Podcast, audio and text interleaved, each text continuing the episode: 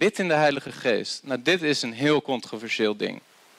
Bid in de Heilige Geest. Er zijn heel veel ideeën, of eigenlijk zijn er niet heel veel, maar er zijn wel twee grote ideeën over wat dit betekent, bidden in de Heilige Geest. Er zijn mensen die zeggen, dit gaat over bidden in tongentaal.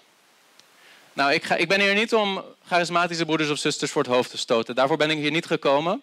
En, er zijn, en ik zeg dat nogmaals, in de liefde. Er zijn broeders waar ik zo van overtuigd ben dat ze veel verder zijn in hun wandeling met Christus dan ik.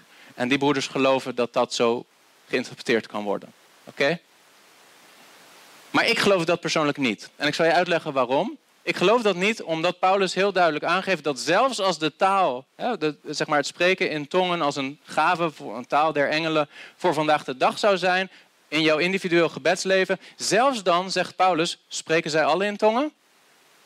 En hij is retorisch, het antwoord is nee. Ook toen in de Korinthe gemeente was het spreken in tongen was iets wat een aantal mensen deden.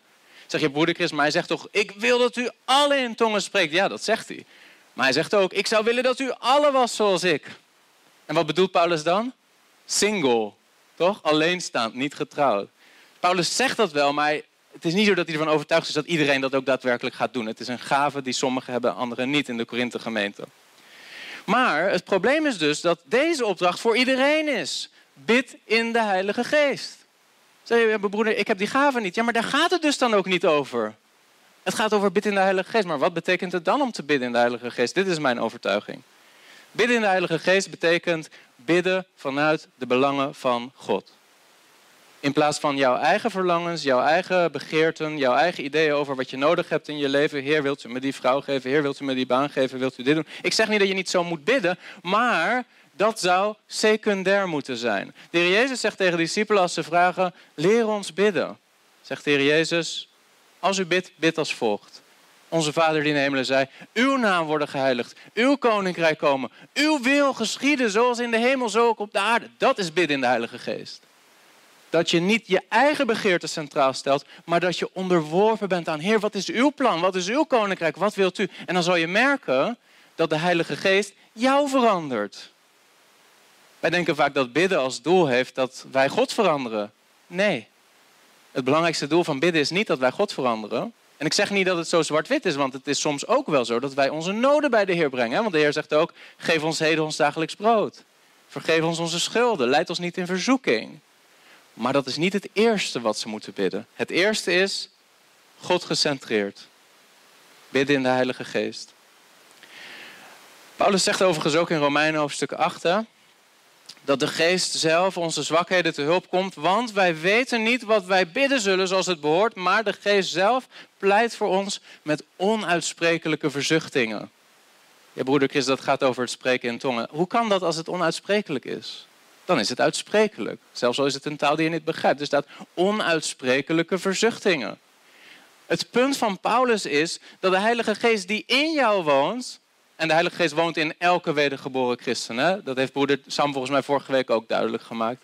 Romeinen hoofdstuk 8. Wie de Geest niet heeft, is niet van Christus. In Efeze in het begin, u bent verzegeld met de Heilige Geest. 1 Korinthe hoofdstuk 12, wij allen zijn gedoopt in dezelfde geest.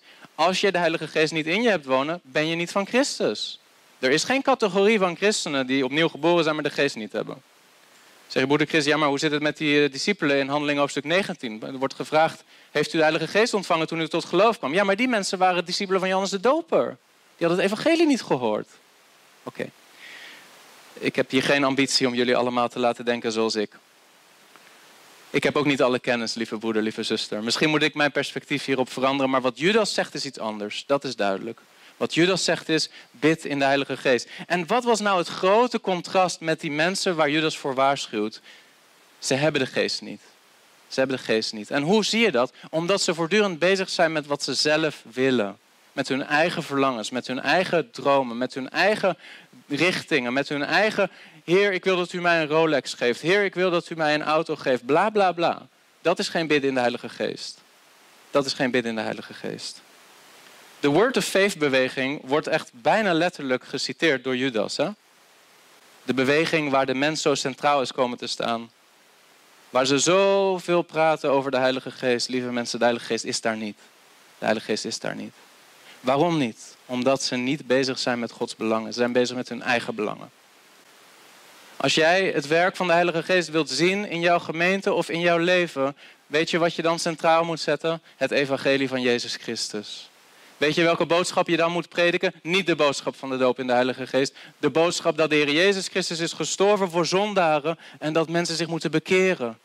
En Hem als Heer moeten erkennen in hun leven. Niet aannemen, maar erkennen. Hij is hun Heer, maar ze erkennen Hem niet. En wij moeten bekering en geloof in het evangelie prediken niet slechts als een uitnodiging, maar als een gebod. Want dat is het. Het is een gebod, geen uitnodiging, een gebod. Zeg je, ja, maar het is toch een uitnodiging? Ja, maar niet een vrijblijvende.